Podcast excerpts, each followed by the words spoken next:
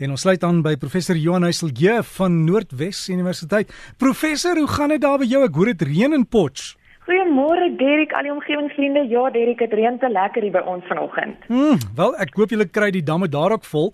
Maar jy wil bietjie gesels oor jy jy het gesê groen infrastruktuur. Groen infrastruktuur. Nou, wat presies behels dit?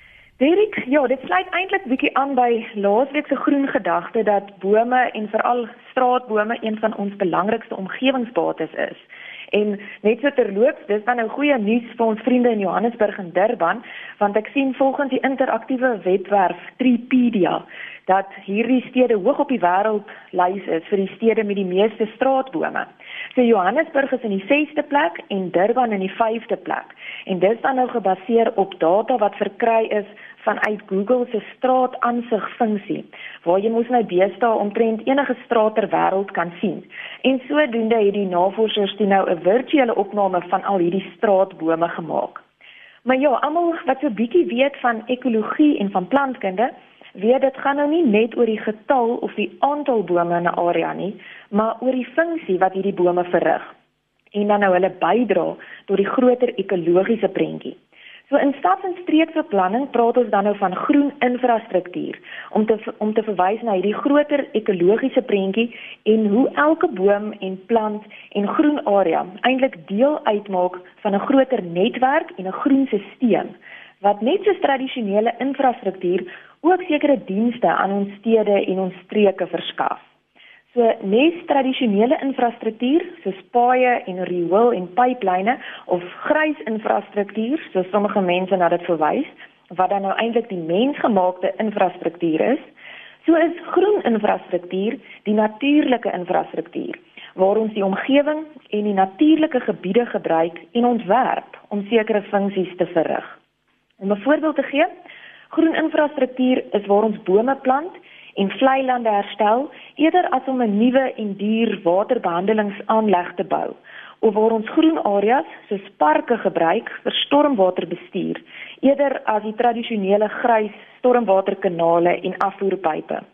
Of waar ons groen dakke dis nou dakke wat met plante bedek is gebruik vir reënwaterbeheer en verkoeling van geboue in plaas van hierdie tradisionele geute en duur kunsmatige lugverkoelingsstelsels Maar wat dan nou belangrik is om te onthou, is dat elke boom en elke plant en vlei land en park en elke tuin en ook selfs die mensgemaakte groen areas soos groen dakke deel vorm van hierdie groen infrastruktuur en die netwerk wat ekosisteemdienste aan die gemeenskap lewer.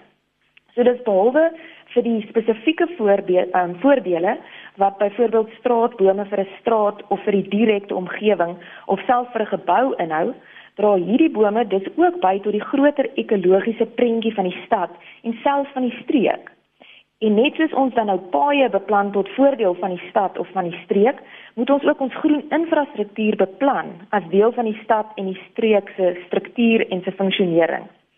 En wat nou ook belangrik is, ons moet dus mooi dink oor hierdie groter impak indien ons enige van hierdie bome of plante sou verwyder.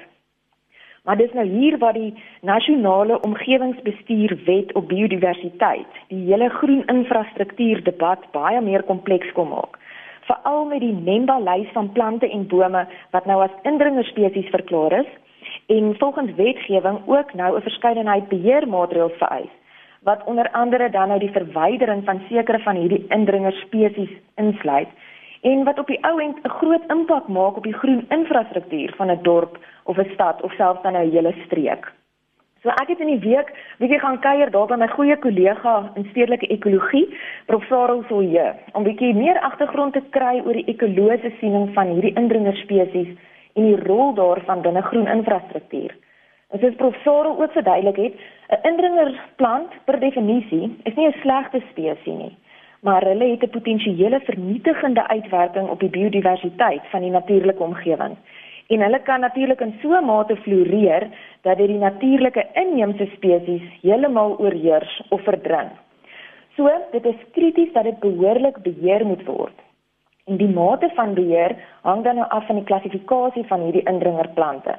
Byvoorbeeld, 'n kategorie 1A beteken indringerplante moet verwyder en onmiddellik vernietig word terwyl 'n kategorie 2 beteken hierdie indringerplante mag slegs onder beheerde omstandighede gekweek word en dat 'n permit daarvoor benodig word. En spesies wat dan nou in kategorie 3 val, hoef nie verwyder te word nie, maar hulle mag ook nie meer aangeplant word nie.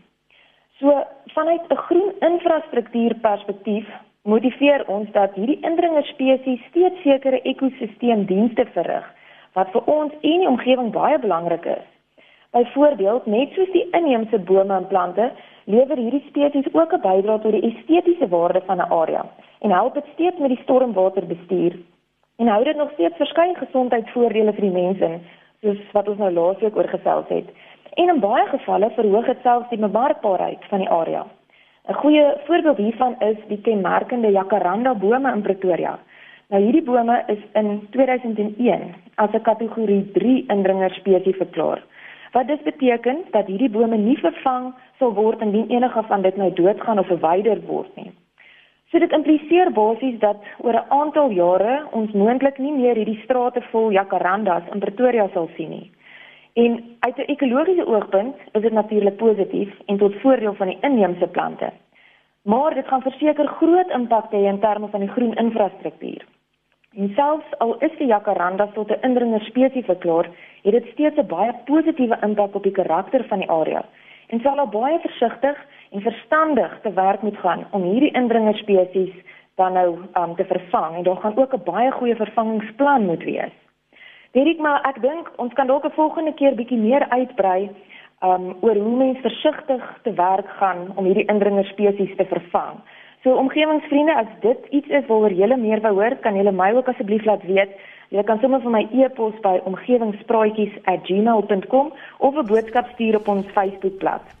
Maar ek wil vanoggend julle graag laat met die groen gedagte dat elke boom en elke tuin saak maak vir ons groen infrastruktuur en deel vorm van hierdie groter ekologiese prentjie.